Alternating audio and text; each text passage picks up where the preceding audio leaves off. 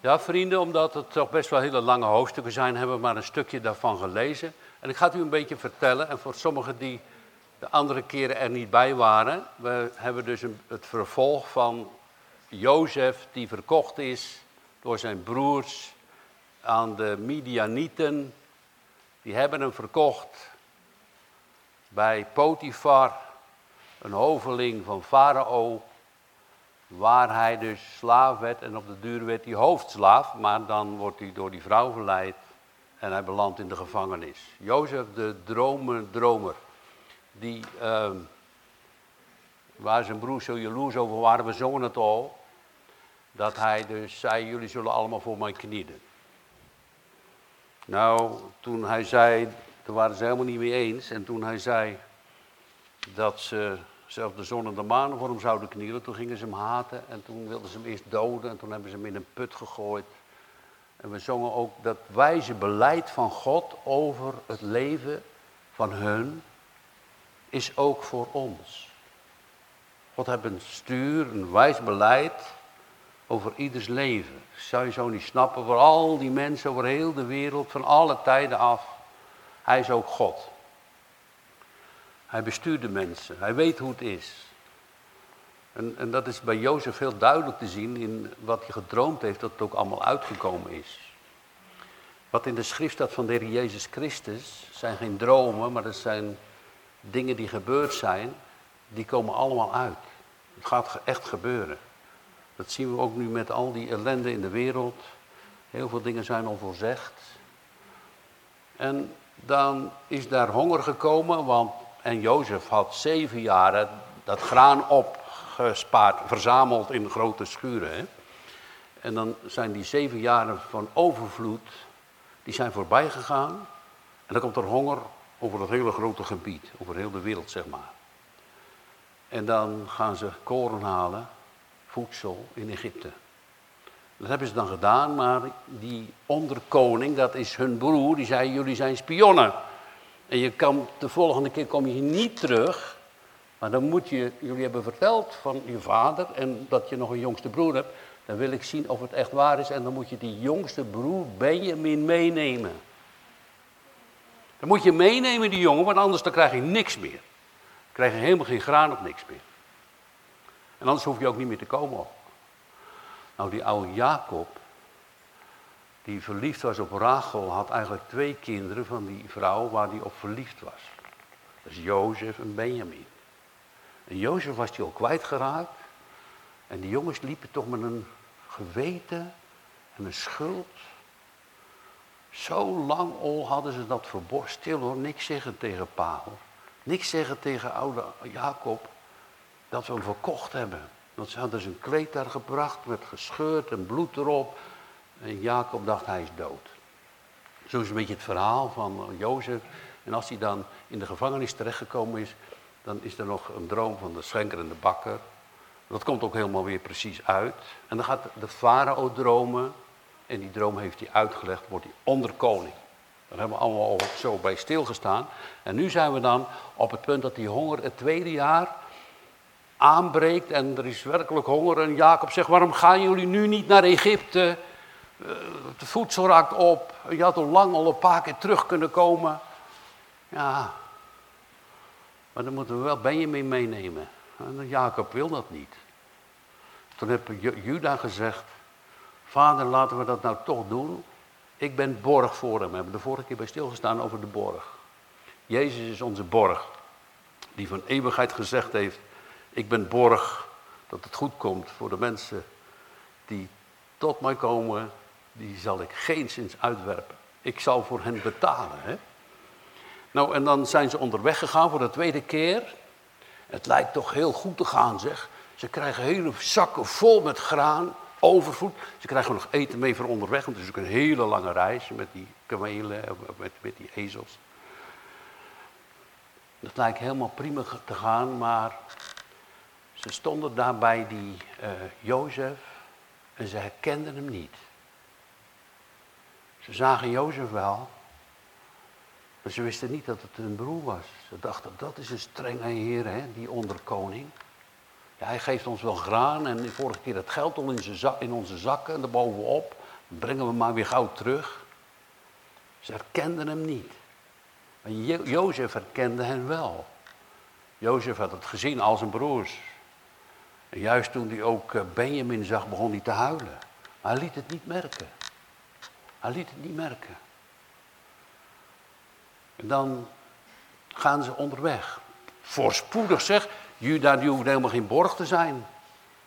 Graan in die zakken, onderweg naar huis. Maar wat had Jozef nu gezegd?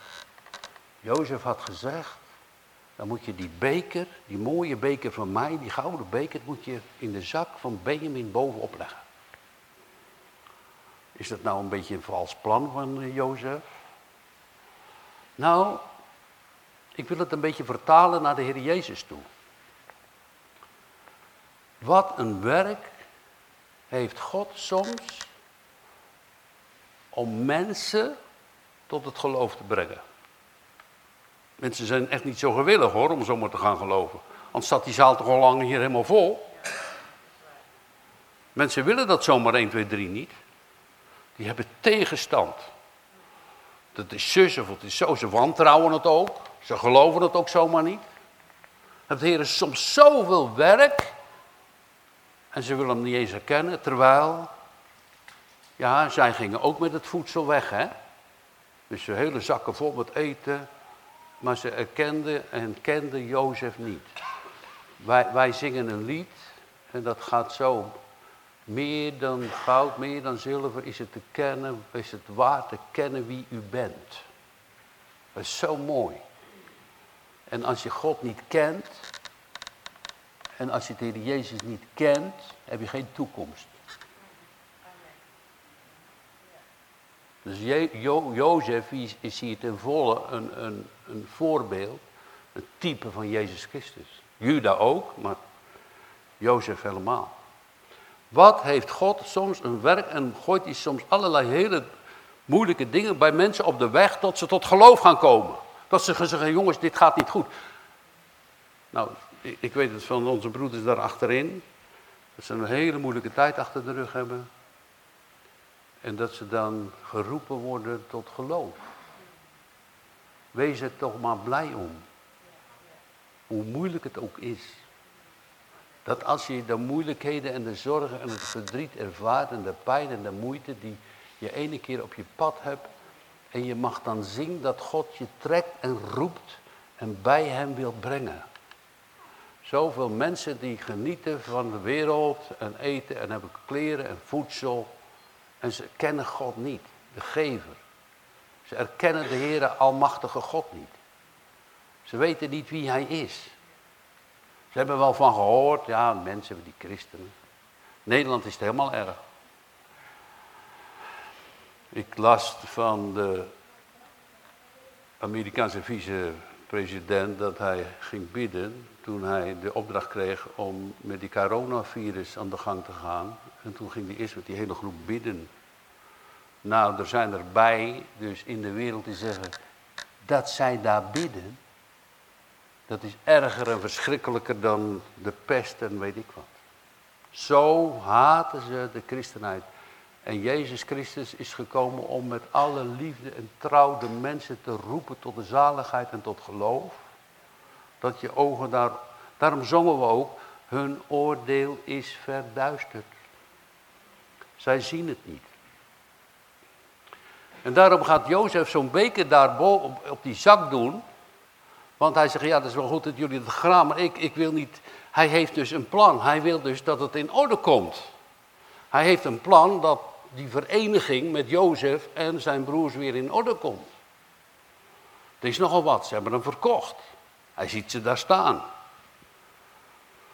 Nou, en dan stuurt hij daar, als ze onderweg gegaan zijn, stuurt hij daar een stelletje soldaten achteraan.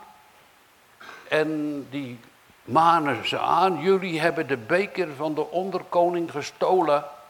En nee, zeggen zij, ik deed niks.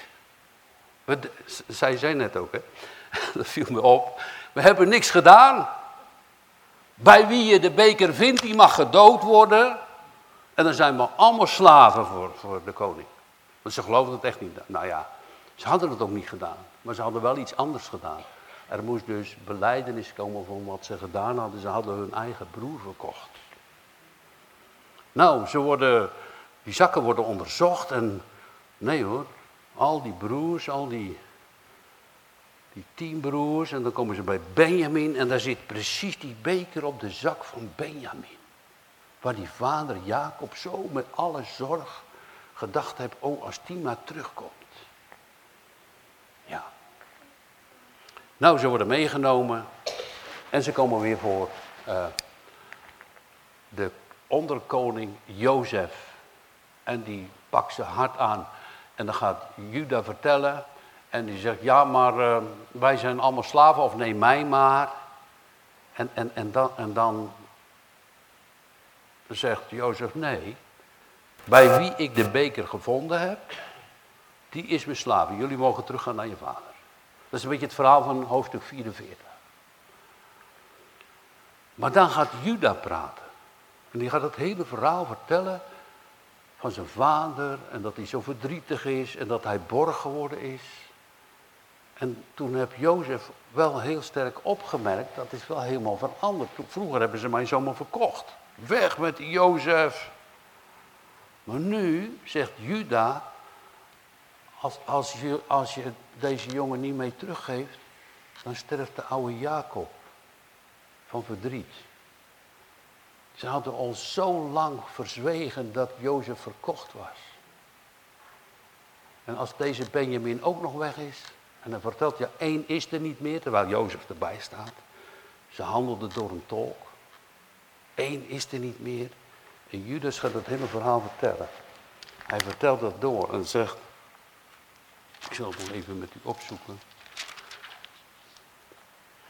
Toen zei uw knecht, mijn vader, jullie weten dat mijn huisvrouw maar er twee gebaard heeft. Dus uit Rachel, hè? Jozef en Benjamin. De een is er niet meer.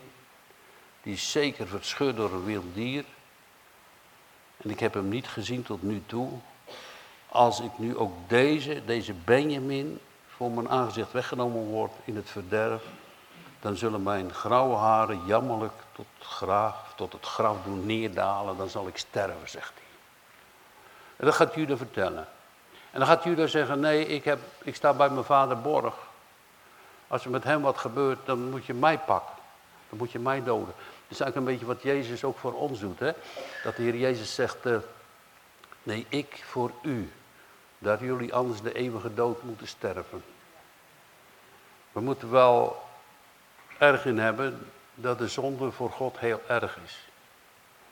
En dat de zonde in de wereld door de mensen doorgaat. Anders had je al die coronavirus ook niet en al die ziekten en al die... Dan werd je ook maar niet oud. Dan had je al het eeuwige leven als we niet gezondigd hadden.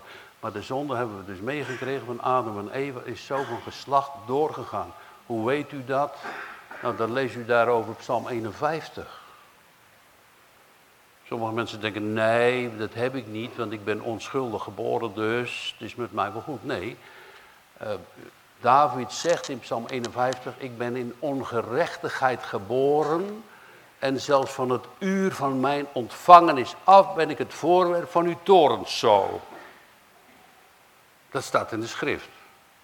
Kan je dus zeggen, nou daar wil ik niks mee te maken hebben, maar dan gaan we buiten Gods woord om. Dit, dit is het woord van God. En, en God gaat ons niet plagen om te zeggen, nou dat is zo erg, dus je moet het maar uitzoeken. Nee, God roept ons op, opdat we gered worden door zijn Zoon Jezus Christus, de borg. Daar gaat het om. Dat is het plan van God. Nou, en als hij dan dat verteld heeft, dan komen we bij dat vers uh, eh, 45. Toen kon zich Jozef niet meer bedwingen. En hij zegt tegen al die Egyptenaren, gaan jullie eruit. En dan begint zo te huilen. En, en, en ik denk dat, uh, ja, Jezus houdt ook over, over uh, Jeruzalem. Maar hij zal ook van blijdschap gehuild hebben toen hij hoorde van Juda, die jongens zijn veranderd. Het is echt heel anders nu als vroeger. En, en hij, hij huilde zo hard. En ik denk er is blijdschap in de hemel bij één zondaar die zich bekeert en tot geloof komt. Dus blijdschap in de hemel, de engelen juichen, God is verblijd. Er is iemand die hoorde aan de kant van de duisternis en van de dood. En die is een nieuw leven, hebt hij ontvangen. Dat is een kind van God geworden. Die, die heeft dus het kindschap mogen ontvangen door het bloed van Jezus Christus. Nou, zo moet je dat een beetje zien van Jozef. Hij zo huilt en verdriet en pijn en moeite. Al die frustratie, al die spanning. En hij verhief zijn stem met wenen, zodat de Egyptenaren het hoorden. En Farao's huis hoorde het. En Jozef zei tot zijn broer, ik ben Jozef zo. Hadden ze verkocht, hadden ze nog niet gezien. Hij, hij had steeds met hen gesproken door een tolk. Hij had het niet verraden. Ik ben Jozef. Weet je, dit is zo aangrijpend stukje dat uh, je op een hele verkeerde weg kan gaan en de weg vervolgen in jouw leven. Zoals bij Paulus, de weg naar Damascus. Ik ben Jezus. Je volop tegen God inzet. Jezus wil wegwerpen en alle mensen die met de Heer Jezus te maken willen hebben, vervolgen. Ik ben Jezus. Wat moet die Paulus geschrokken zijn? Wat zijn deze jongens hier geschrokken? Ze, ze verstijfden van schrik. Ik ben Jozef. Die jullie verkocht hebben. Hij draait er niet omheen, jullie hebben mij verkocht. Dus een, een woord van een kerkvader die zei, het zijn niet alleen de Joden, de Heer Jezus, die u hebben gekruisigd, maar ik ook met mijn zonde. Als je dat in zich krijgt, dat je dus met je zonde, met je oude leven, met je uit Adam geboren leven, met alles wat je deed of juist niet deed, eigenlijk Jezus daar ook mee heeft gekruisigd. Dat is, dat is nogal wat, om dat te geloven. Ik geloof het van mezelf, echt. U? Ik geloof dat ik dat uh, met mijn zonde gedaan heb. En, en ze hebben staan joelen, hè. Weg met hem. Wij zijn soms ook eigenwijs en gaan door met onze zondige praktijken. Weg met hem. Ik wil gewoon mijn eigen leven blijven leiden. Dat gebeurt ook, hè. We gaan gewoon verder met de dingen, want ze gaan weg met God. Zo kan het zijn in mensenlevens. En, en, en dan dat ze hem zo veracht hebben en zo geslagen. En dat de Jezus dan doorgegaan is met zijn liefde en met zijn trouw. Dat is zo geweldig wat hij gedaan heeft. Dat is zo aanbiddelijk, dat is zo groot. Jezus, de Zoon van God, die uh, uh, voor ons uitgezonden werd. Zoals Jozef dadelijk zegt, worden jullie nou niet boos? En wees nou niet mismoedig en vrees nou niet. Want uh, jullie dachten het ten kwade, dat zegt hij dadelijk in hoofdstuk 50. Maar God heeft het ten goede gedacht. Zo staat ook in handelingen. Uh, in der waarheid zijn tegen het heilig kind Jezus hebben zich opgemaakt. De Romeinen, de heidenen en het Joodse volk. Om alles te doen wat God van tevoren gezegd heeft. Zo waren ze boos, hebben ze Jezus vernietigd, weg met hem. En ze deden, het is de boosheid van de mens, wat God ombuigt naar het goede. Dat is onbegrijpelijk. Wij hebben soms dingen gedaan wat God omgebogen heeft naar het goede. Terwijl wij eigenlijk hadden verdiend uh, weggeworpen te worden, zeg maar, en God heeft het omgebogen ten goede. Als daar je ogen voor open gaan, zo. Dat had ik niet gedacht. Hier zien we het in het verhaal van deze jongens. Ze, hadden ze waren gestorven van de honger. Nee, zegt Jozef, God heeft het gedaan om een heel volk in het leven te behouden. Jezus Christus is gezonden naar deze wereld om een heel volk in het leven te behouden. Dat evangelie mag verkondigd worden. Wat zo geweldig is dat Juda uh, niet de borg hoefde te zijn voor zijn zo broertje Benjamin. Want ze gaan dadelijk allemaal terug. Maar Jezus was het wel. Jezus gaf heel zijn leven en alles. Hij zegt, ehm, wie is eigenlijk een vriend die zijn leven geeft voor zijn vrienden? dat hij alles gedaan heeft voor ons. Het is nu de tijd van het lijden. We overdenken nu eigenlijk het lijden, de lijdenstijd. Ik ben, we zijn eigenlijk hiermee bezig dat hij al opgestaan is. Maar dat, dat, maakt voor ons helemaal niet zoveel uit. Jezus leeft en heeft voor ons zoveel gedaan. Is onvoorstelbaar dat u daar een indruk, dat u eens even over nadenkt in de rust nu van vanmorgen. Dat u denkt, Jezus, wat hebt u veel voor mij gedaan. Terwijl ik de verkeerde kant op ging, roept u mij terug door allerlei middelen. Soms een beker zomaar daar in die zak van Benjamin. En dan moeten ze terug en dan moeten ze gaan blijven. Ze zijn verschrikt. Wauw, wat hebben wij gedaan? En dan kom je tot, als je tot Jezus komt, dan blijkt steeds dat hij helemaal niet verwijt. Hij vindt het dan heel goed als je het eerlijk bekent. En zegt en beleidt dat je gedaan hebt. Dat vindt hij ons zo geweldig. En als je dan gaat zeggen, Heer, ik heb gezondigd tegen u. Dat, dat zie je toch ook terug bij die verloren zoon, hè? Die zegt dat ook. Hij, hij denkt, nou vader, vader, jij met je dienst, ik ga verder weg, ik ga feest vieren. Ik heb het wel gezien. En, en, en hij raakt al zijn geld kwijt. Hij gaat het varkensvoer eten. En, en hij heeft zo gebrek en verdriet en pijn. Maar hij zegt, ik zal opstaan en naar mijn vader gaan en ik zal zeggen tot mijn vader, vader, ik heb gezondigd tegen de hemel en voor u en ik ben niet waardig dat ik uw zoon genaamd zal worden. Zo komt die man terug, zo komen die jongens hier ook.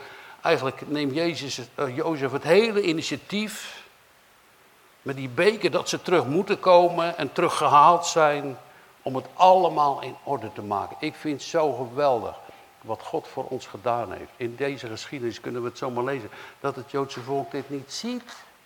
Ze hebben deze Bijbel ook, het Oude Testament staat gewoon beschreven dat ze het niet zien. Dat een deksel, ja, hun, hun verstand is verduisterd. En als je het mag zien wat hij voor ons gedaan heeft, dat hij zijn bloed gestort heeft. En Jozef, die moest er doorheen en die gevangenis, maar die is niet gekruisigd. Jozef is voor ons niet gekruisigd en voor die broers. Maar dat was een type, een teken hoe het zou gaan met Jezus Christus. Om een heel volk in het leven te behouden. En hoeveel zijn dat er? Dat zijn ontelbare mensen. Die zingen dadelijk met Jozef en, en, en, het lam aan de glazen zee. Het lied van Mozes. Dat u ons gekocht heeft met uw bloed. Dat u met al uw liefde en uw trouw ons heeft omringd en omarmd. Ze moeten de zonde beleiden. Ze hebben hier gestaan en ze zijn verschrikt. Eh, en zijn broers konden hem niet antwoorden, want ze waren verschrikt voor zijn aangezicht. Zo vaak is het ook uh, uh, gebeurd dat, dat de engel moest zeggen, vreest niet. Wees niet bang. Als je je eigen schuldig voelt, dan durf je zomaar niet naar de Heer Jezus te gaan hoor. Dan denk je nou en tot God, denk ja. Maar als je gaat door Gods geest en door Gods genade, hij gaat je vervullen met uw liefde. Weet je wat hij gaat doen? Hij zegt, leeft mijn vader nog, zegt Jozef. Ja, dat is de vader van de jongens, maar dat is ook mijn vader. Leeft mijn vader nog? Jezus zegt, ik vaar op tegen zijn discipelen. En dat zegt hij ook vanmorgen als je in Jezus Christus gelooft. Ik vaar op tot mijn vader en tot uw vader. We hebben een vader in de hemel, mensen. Een heerlijke vader in de hemel. Die ons met al zijn liefde en met al zijn genade wil omringen. Wat een goede God. Maar hij wil niet dat we zomaar alleen maar leven. Graan meenemen, voedsel meenemen, volle zakken. Dag Jozef. En hij wil dat we hem kennen. Zo heeft God zoveel werk. Ik denk ook aan mijn leven gehad en aan uw leven. Is zoveel werk dat je eens een keer voor hem gaat buigen. En voor hem gaat knielen. Hem gaat aanbidden. En hem gaat loven. En als hij dan allerlei narige dingen op de weg gooit en problemen en zorgen, aanvaard het gewoon. Doorziet het plan van God. Gaat zeggen, oh God, u roept me steeds. Op die manier en op die manier. Jozef zei tot zijn broeder, nader toch. Ik ben Jozef, uw broeder, die u uit Egypte verkocht. Kom nog bij me, omarm mij. Ik hou van jullie. Ik wil dat het weer goed komt. Al die moeite, al die zorgen mogen weg. Wat een vergevende God. Wat een trouw en een liefde. Wees nou niet bevreesd. En, en uw toren ontsteken niet in uw ogen. Ga nou niet zeggen, ja, het was jouw schuld of jouw schuld. Of, of dat komt en allerlei haat in je hart nog weer naar boven komt. Van, ja, had het nou niet anders gemoeten en zo? Hadden we nou niet dit of dat vroeger? Nee, Jozef gaat met heel het verhaal, kijkt hij naar God en zegt, eh, omdat gij mij hier even kocht hebt, want God heeft mij voor uw aangezicht gezonden tot behoudenis van het leven. Het was Gods plan. Het was Gods plan dat hij Jezus naar deze wereld zond. Zo staat het ook in de Bijbel. Al zo lief heeft God de wereld gehad dat hij zijn enige geboren zoon gegeven heeft. Als een groot cadeau, alstublieft voor u. Wil je hem ook hebben? Jezus voor u. Jouw Jezus mag je dan zeggen. Mijn Jezus. We zingen dat soms ook zo. Dan mag je blij zijn. Het is niet zo dat hij dan betaald heeft en dat u het dan later zelf allemaal weer op moet knappen. Maar hij betaalt voor heel uw leven. Hij staat ervoor in. Hij is borg. Als je een borg bent, dan is het niet, oh, ik ben borg tot, tot die grens van jouw leven. Nee, hij is borg voor heel ons leven. Tot zelfs bij, tot de opstanding toe, dat hij gezegd heeft, ik wil dat waar ik ben, zij ook zullen komen. Hij is borg tot over het graf heen. Tot in de heerlijkheid. Hij staat ervoor in. Ook al hebben wij zoveel duistere dingen nog met ons mee te dragen. Doe het maar weg voor Gods aangezicht en vraag hem om hulp. We vallen steeds zo vaak terug in allerlei andere, andere dingen, dat we maar mogen weten, wij hebben een borg in de hemel. Jezus Christus, de Zoon van God. Hier zegt Jozef het. Hij zegt, jullie hebben het ten kwade gedacht, maar God heeft mij voor jullie aangezicht heen gezonden om ons tot in het leven te behouden. Gods ogen kijken anders als mensenogen. Wij denken hier, nou, we hebben hier het leven, we moeten zo lang mogelijk hier blijven, we moeten gezond blijven. En dat is dan ons leven. Er zijn mensen in de wereld, die hebben hier geen leven meer. Die willen heel graag bij Jezus zijn. Die hebben hier geen leven meer in deze wereld en die willen hier vandaan. Die zeggen, wanneer komt die dag dat u terugkomt? En daar wachten ze op. Dat wachten is soms moeilijk. En allerlei dingen gebeuren in je, in je, in je leven met ziekte, nood en verdriet. En, en, dan, en, dan, en dan moet ik wel denken aan onze broeder die zo in het verlangen naar God ingeslapen is. Onze ouderling, onze Doentje. Die dan, die dan insliep en bij God is. Het verlangen naar Christus. Dat u dat met uw Heilige Geest in ons hart werkt. Laat, zullen we daar maar eens om dan. Hè? Ik wil daar met u voor bidden. Dat God dat geeft. Vader, als we zo staan te stamelen over de heerlijkheid van u, hebben u een verlangen gegeven in mensenharten dat u zullen zien, de Jozef, de Heer Jezus. Dat u zullen liefhebben. Wil u dat in onze harten werken? Dat we niet zonder u kunnen en niet zonder u willen. Zoals Mozes zegt, als u niet met ons meegaat, dan gaan we hier niet vandaan. Wil u zo met ons meegaan en met onze kinderen? Wil u ons behoeden en beschermen? Wil u ons zegenen, Heer, en dat we zullen zijn als een licht in de wereld. En dat we de kracht van uw Heilige Geest zullen ervaren. En dat we zullen gaan op de weg als u voor ons uitgaat als de goede herder en wij u mogen volgen als de schapen. O God, maak ons uw beeld gelijk. En zend uw genade en uw trouw en uw liefde. Opdat uw naam geprezen wordt, ook door ons in deze wereld. Opdat uw lof en uw liefde uit de huizen van onze christenen hier in deze kleine gemeente mag klinken. Jezus leeft voor ons. Hij is de overwinnaar. O Vader in de hemel, zegen ons en breng ons aan uw voeten. In Jezus' naam. Amen. Ze gingen knielen voor Jozef en uh, ze waren verschrikt. Maar Jozef roept ze, kom nou kort erbij, omarmt ze, geeft ze liefde, gaat het dadelijk helemaal in orde maken. Dadelijk moet vader Jacob komen in het einde van deze, dit hoofdstuk. Jacob terug bij Jozef. Jozef leeft nog. Heel veel mensen hebben gedacht, Jezus is dood, daar zijn we vanaf. Maar Jezus stond op uit de doden. En, en ze geloofden het eerst niet. Ze konden het niet bevatten dat Jezus nog leefde. Hij leeft. Hij is er. Hij wil in u en met u zijn. Wij zingen het ook soms, kom in mijn hart. Heer Jezus, kom in mijn hart. Omdat ik u lief heb. Omdat u, zoals Jozef hier dat hele plan geregeld heeft, vind ik het altijd mooi. En misschien is daar tegenstand tegen, maar ik vind het mijn best. Maar ik vind het geweldig mooi dat hij dat hele plan over mijn leven geregeld heeft. En dat hij dat nog doet ook. En dat hij wil die ook voor jullie doen. En daar wil ik hem mee eren, want dat, zo is hij. Hij heeft het hele plan. Gaat het moeilijk? Gaat het, heb je pijn? Heb je verdriet? Heb je zonde? Heb je weet ik wat? Ga terug naar Jozef, hij zal je redden. Zo is hij. Hij wacht.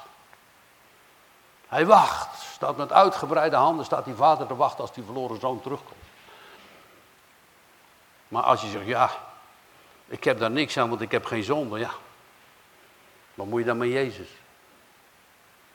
Ik kan niet zonder hem, omdat ik een grote zonde ben van mezelf. Maar door genade ben ik, zingen we toch, een kind van God. Dat is zijn genade, dat is zijn bloed. Dat is zijn kracht, dat is zijn liefde. Dat is onze God.